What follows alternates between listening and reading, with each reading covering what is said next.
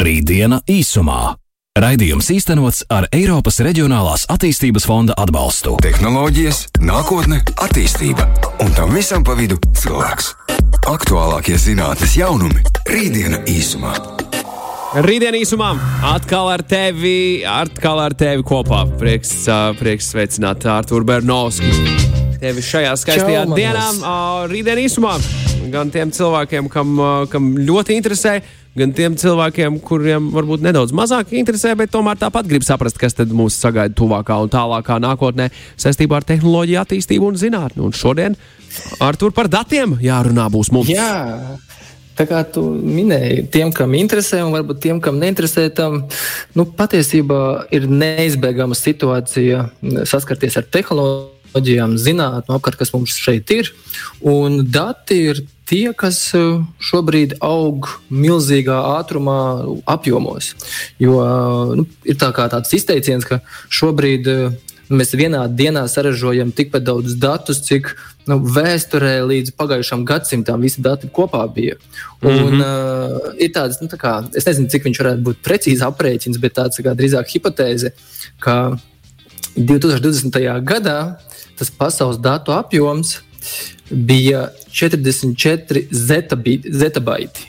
Un no šī visa Un- izvietot, Klau, Artur, uzreiz man ir pirmais Jā. jautājums, cik, cik fiziski sver šie te dati?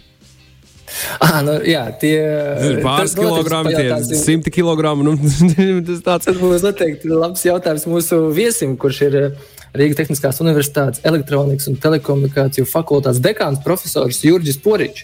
Eh, Sveiks, Jurģi! Sveiks! Jā, varbūt Magnus tam radās tāds ātrs jautājums ar datu sv- svariem. Cik, vai, ir, vai ir kaut kādi nezinu, aprēķini, cik svērtu tur nu, tie, tie dati, šie mm, tādā masās, mūsu fiziskajās masās, kilogramos, vai mēs kaut Jā, ko mē, mē, tādu mē, varam vai mēs to varam likt ielikt metriskajā sistēmā? Jā. Varam, protams, tikai vispirms tie dati ir kaut kur jāsaglabā. Un, ja mēs viņus saglabājam, tad tas svars kļūst atkarīgs no tā, cik uh, un kādā veidā mēs viņus esam saglabājuši. Nu, tad var skatīties, vai tās ir magnētiskās lentes, vai tās ir, piemēram, kompaktdiska matrices, vai DVD matrices, vairāk slāņu un tā tālāk, vai tās ir hologrāfijas uh, ieraksti. Tā kā viss ir tikai atkarīgs no nesēja. Jo dati, nu, kā līdzīgi kā mūsu balss, uh, izplatās, mēs viņus pārraidām, uh, uztveram, un gal galā svarīgi ir tā nesēja vide. Un, un svarīgi ir arī tā, kā Kas ir tas, ko mēs saprotam ar šiem elektroniskajiem datiem? Vai tas ir viennieciņu nulītes, vai tas, kas, ir, kas ir tie elektroniskie dati, kā mēs viņus varam izprast tādā vienkāršākā valodā? Nu, tas ir visa veida informācija, tā skaitā balss, video un tā tālāk, kuru mēs pārvēršam uh, ja tevis iepriekš pieminētajos nulītēs un viennieciņos. Tad, tad būtībā, ja mēs runājam par runas signālu, tad mēs viņu diskretējam, saliekam nulītēs viennieciņos, sakompresējam un pārraidam. Un, tādēļ arī ir šis jēdziens digitālā datu pārraide. Jo, ja mēs tālāk skatāmies, kas tad mums notiek aiz pogas enter, piemēram, kad mēs sūtām kādu ziņojumu, tas jau notiek tieši tāpat, ka mēs viņu pārveidojam jau uh, raidītājiem saprotamā formā un vēlāk arī uztvērējam formā. Un, uh, saprotamā formā. Un tas, ar ko mēs nodarbojamies, mēs uh, šos datus uh, uzliekam uz optiskā nesēja. Nu, tas, ja jūs, piemēram, iedomājaties, ka mēs paņemam laser pointerīti, tad mēs teiksim, ieslēgts, mums ir režīms viennieciņš, izslēgts, mums ir režīms nulle. Un tā mēs, jo ātrāk mēs viņus spiežam šo laser pointerīti, jo ātrāk mums tie dati tiek pārraidīti. Nu, protams, ar roku tas ir pietiekami uh, lēni. Mums interesē, lai tas notiktu ātrāk. Tāpēc ir dažādas tehnoloģijas, lai mēs varam šo te procesu pātrināt. Nu, tas savukārt nozīmē to, ka mēs varam piepildīt uh, pārraides kanālu ar informāciju, kura, kā pats iepriekš minēja, šobrīd jau ir zetabaitos. Jā, šie te tiešām apjomi ir milzīgi. eh, Es pat arī redzēju tādu tā, mazu aprēķinu, ka nu, šie četri, četri pasaules milži, kas ir Google, Facebook, Microsoft un Amazon, Viņi kopā, nu, te, viņu kopā datu apjoms ir 1200 petabaitu, kas arī ir nu, tūkstošiem šie te terabaitiem, vienkārši arī milzīgi apjomi. Un viņi tikai aug un aug. Un, protams, jautājums ir par šo datu sūtīšanu.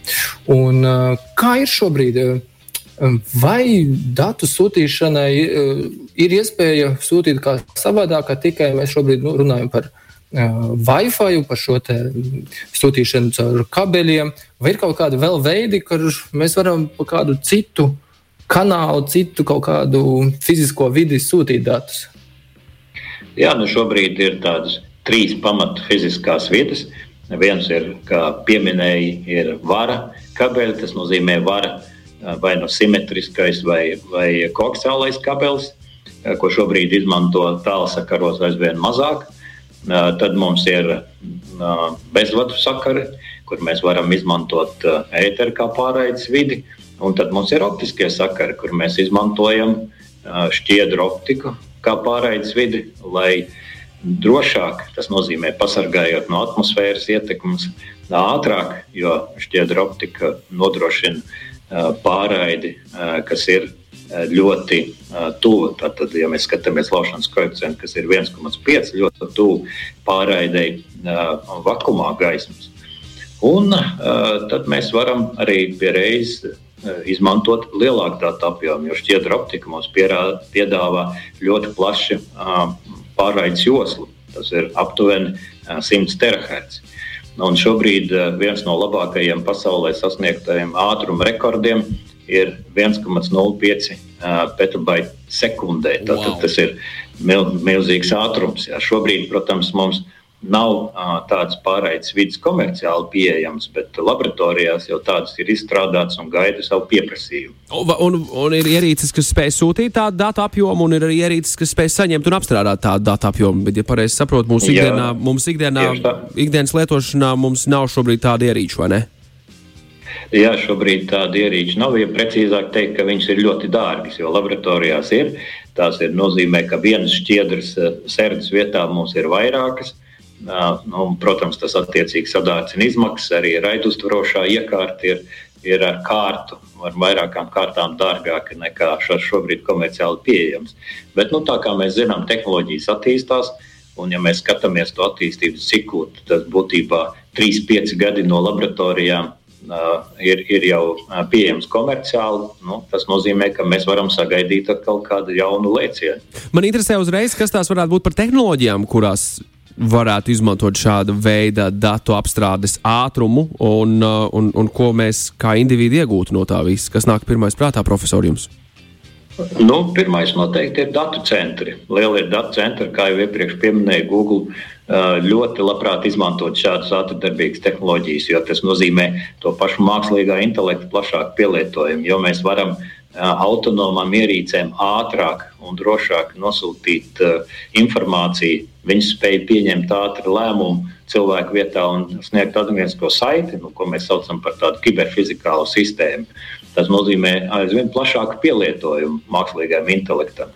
Nu, pieņemsim, ja mums, mums ir viens sensors, kas mēra temperatūru. Nu, cik ilgi teiksim, mēs kā lietotāji skatīsimies, kādu temperatūru viņš mums šodien mēra. Ar laiku tas apniks, bet ja mums šim sensoram būs jau klāts intelekts, viņš spēs mūsu vēlamajā režīmā darbināt kādu ierīci. Nu, tas nozīmē tikai to, ka mēs daudz vairāk varēsim veltīt laiku sev, un ierīce strādās mūsu labā. Īsumā. Dati, dati, dati, dati, dati. Ko ar tiem darīsim? Jā, šodien runājam par datiem un par milzīgiem datiem, pat par petabaitiem, zetabaitiem un uh, vēl citādiem zvēriem. Jā, mums ir viesos arī profesors Jurģis Poriņš, kurš mums uh, vairāk pastāsta par datiem, datu sūtīšanu. Un uh, es jau pirms mūzikas pauzes minēju, ka um, RTU mūsu zinātnieki ir pirmo reizi pasaulē demonstrējuši tādu jaunu veidu, kā sūtīt datus. Un, uh, viņi pārraidīja 20 km attālumā pārēja ar ātrumu 10 gigabiti sekundē. Arī Jurģi pastāstīt, kas tur īsti par to eksperimentu, kas tur īsti notika un ko jūs tur esat um, atklājuši? Jā, nu es sākšu ar tādu nelielu ievadu. Tātad mūsu pētījuma tā būtība Un, un galvenais mērķis bija izmantot čukstošās galerijas moda, modu principu. Nu, īsāk sakot, čukstošās galerijas viļņi ir jau diezgan sen zināmi. Savā laikā Angļu, ja britu pētnieks Lords Relējs konstatēja Svētā Paula katedrālē, ka tos viļņus var dzirdēt praktiski, ja šī katedrāle ir izvietota tādā um, apaļā formā, jebkurā vietā. Un, uh, tas tālāk, uh, vēlāk izveidoja viņš savu teoriju, un uh, sākotnēji tas dominēja akustikā. Pēc tam, jau pagājot laikam, konstatēja, ka to var izmantot arī optikā. Un, līdz pavisam nesen ir šis princips kļuvis ļoti populārs. Kas ir tā priekšrocība? Tad, tad šie čukstošo galeriju modu rezonatori ir tādi izliekti cietvielu dobumi, tātad maz lodīti vai mazs mikroriņš, mikrometra izmērā, kur ir iespēja mm, šādā ģenerēt ļoti šauras spektrāls līnijas. Nu, kāpēc tas būtu nepieciešams? Galvenokārt tāpēc, ka šodien šķiedra optikas pārējais tehnoloģijas izmanto daudz gaismas avotus. Bet šeit mūsu gadījumā ir tikai viens gaismas avots, un pie kam uh, tas gaismas avots nav ar lielu jaudu, tas ir zemes jaudas gaismas avots. Mēs uh, varam ģenerēt veselu rindu šādas gaismas uh, šauras spektrālās līnijas, kuras mēs varam izmantot uh, datu pārraidei. Un tā galvenā priekšrocība ir tā, ka izmantojot šādu tehnoloģiju, mums ir iespējas pirmkārt uh, iekonomēt uh, elektroenerģijas patēriņu. Nu, tas nozīmē, to, ka mums nav nepieciešama daudz lāzeru, bet mēs darbinām vienu. Un uh, otrkārt, mums ir iespējas uh, šos datus vēlāk, piemēram, viena mm, kanāla vietā izvietot vairākus. Nu, tas nozīmē, ka mēs varam palielināt arī ātrdarbību. Un tie 10 gigabit sekundē kanālā tie ir domāti, ka mēs katrai šai šaurai spektrālai līnijai varam izmantot šos 10 gigabitus un vairāk. Un, un papildus, ja mēs izmantojam vēl uh, pārējās, tad, tad mēs varam to pacelt ātrumu līdz vairākiem terabitiem sekundē. Nu, un, uh, šo mēs uh, vienu no pirmajiem pasaulē uh, eksperimentāli pierādījām. Un arī mums izdevās to nopublicēt ļoti labu līmeņu žurnālos. Un, un, un līdz ar to nu, mēs ejam tālāk. Mēs uh, to mēģinām jau uh, attīstīt tik tālu, ka tas virzās komercializācijas virzien, eh, virzienā sadarbībā ar uzņēmumiem. Nu, būtībā tas ir tāds, manuprāt, ļoti veiksmīgs gadījums, sakrītot vairākiem tādiem apstākļiem, kā mūsu laboratorijas pieredze, kā mēs varam šāds nu, teiksim, īpašā vidē radīts mikrolodīts izmantot jau šādam plašam pielietojumam. Jo tas nākotnes skatījums ne tikai tādai informācijas pārraidei, bet, nu, kas daļai arī būtu informācijas pārraidei, arī sensoriem un dažādām plašākām pielietojumiem izmantot šo atklājumu. Jā, man vienmēr interesē, vai šis, piemēram, atklājums ir kaut kas patentējams, vai, vai tas arī vienkārši ir atklājums, ko nu, var jebkurš tālāk izmantot, protams, no atsaucoties, ka jūs esat autori un atklājēji, pirmatklājēji. Vai tas ir kaut kas tomēr patentējams un komercializējams šādā formā? Tas ir noteikti patentējams, bet, protams, to nevar vairs patentēt, ja ir bijusi publikācija. Tas jau ir publiski pieejams, ja tad viņš vairs nav tāds patents spējīgs. Bet tajā pašā laikā ir, ir teiksim, šīs te tehnoloģiskās nianses, ko var arī patentēt.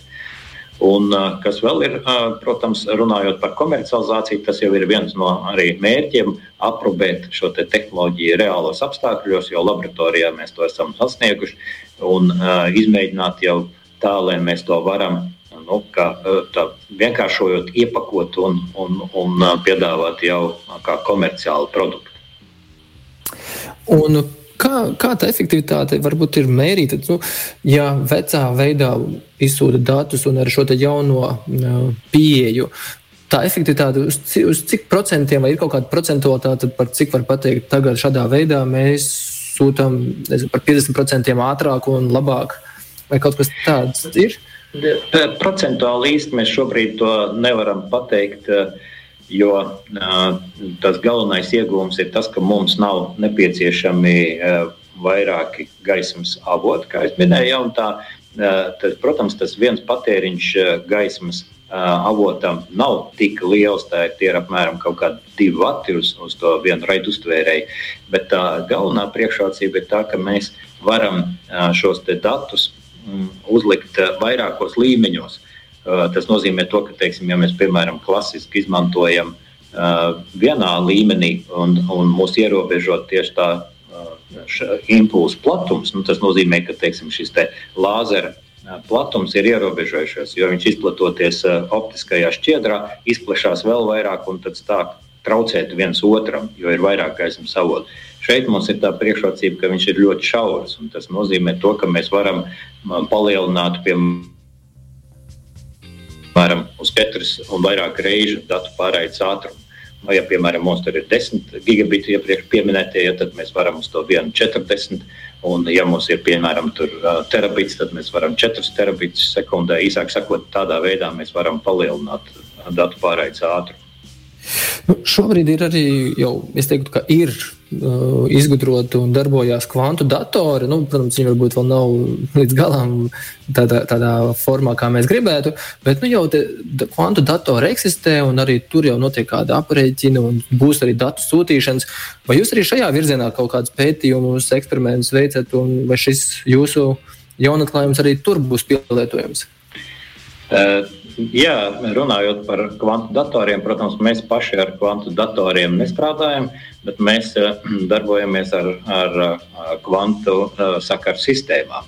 Nu, tas ir eh, līdzīgi, kā ja mēs runājam iepriekš par čukstošās galerijas modu, tieši runājot par frekvenču ķēmu risinājumu, tad šo frekvenču ķēmu risinājumu var arī izmantot. Tā ir arī viena no mūsu iecerēm kvantu informācijas pārraidei. Jo tas šobrīd ir ļoti aktuāli, kā nodrošināt papildus drošību, īpaši runājot par ļoti svarīgiem datiem. Tādēļ vairākas valsts, kā piemēram Dienvidkoreja, ASV, šo kvantu sakaru sistēmu izveidu uzskata par vienu no savām prioritātēm. Un, un arī Latvijā ir šīs aktivitātes diezgan plaši sākušās. Un es domāju, ka mēs nonāksim arī pie tā, ka uh, būs praktiski pielietojams uh, kvantu sakaru sistēmai. Un tas būs visai drīz, tīpaši, ja runā par valsts un pašvaldību iestādēm, kur vajag paaugstināt drošības datu pārraidi. Tā kā šeit ir tieši arī nākotnes solis šim pielietojumam mūsu atklājumu, kā izmantot to uh, kvantu sakaru sistēmas izveidē. Nu, vēl viens tāds par nākotni, laikam, jautājums nu, par 5G. Mēs zinām, viņš eksistē, ir jau viss notiek. Kā ir ar 6G? Es zinu, ka ir uh, laboratorijās arī jau šī pētījuma un izstrādes. Un minēja, ka tas, kas notiek eksperimentos, laboratorijās 3, varbūt 5 gadi būs arī dzīvē. Kā ir ar šo 6G datu pārraidi? Jā, 6G šobrīd ir jau uzsākta plaša iniciatīva. Ir uh, arī ITT, un tas ir Startautiskā telekomunikācija asociācijā, gan arī Eiropas komisija. Tiek uh, daudz runāts par šiem iniciatīvām.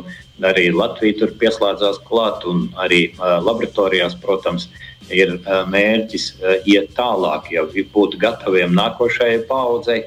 Uh, protams, mēs varam teikt, ka teiksim, 5G šobrīd nav piepildīta ar saturu Daļai tas ir tā, un līdz ar to teiksim, komerciāli ļoti plašs uzvaru gājiens vēl ir īpaši runājot Latvijā, nav novērojams. Bet līdz ko būs šis pielietojums, kā jau iepriekš jau minēju, tie paši sensori ar mākslīgā intelekta palīdzību, un būs vajadzīga vairāk mašīnu saziņa, vai vienalga mums būs biedais auto koridors, kur būs nepieciešama automobīļa saziņa ar, ar ceļu zīmēm. Tas viss tomēr beigās atradīs plašāku pielietojumu un arī, arī 6G risinājumam.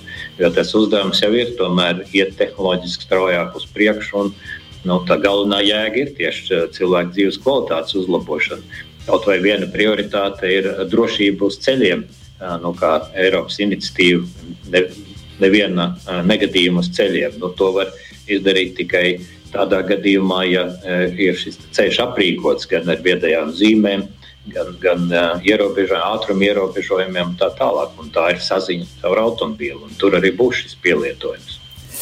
Nu, jā, es noteikti gaidu nepacietību, jau ka būs 5G pieejams un 6G noteikti. Tā kā uh, nobeigumā es varu pateikt, ka jauniešiem ir vērts mācīties šīs lietas, jo tehnoloģijas attīstās.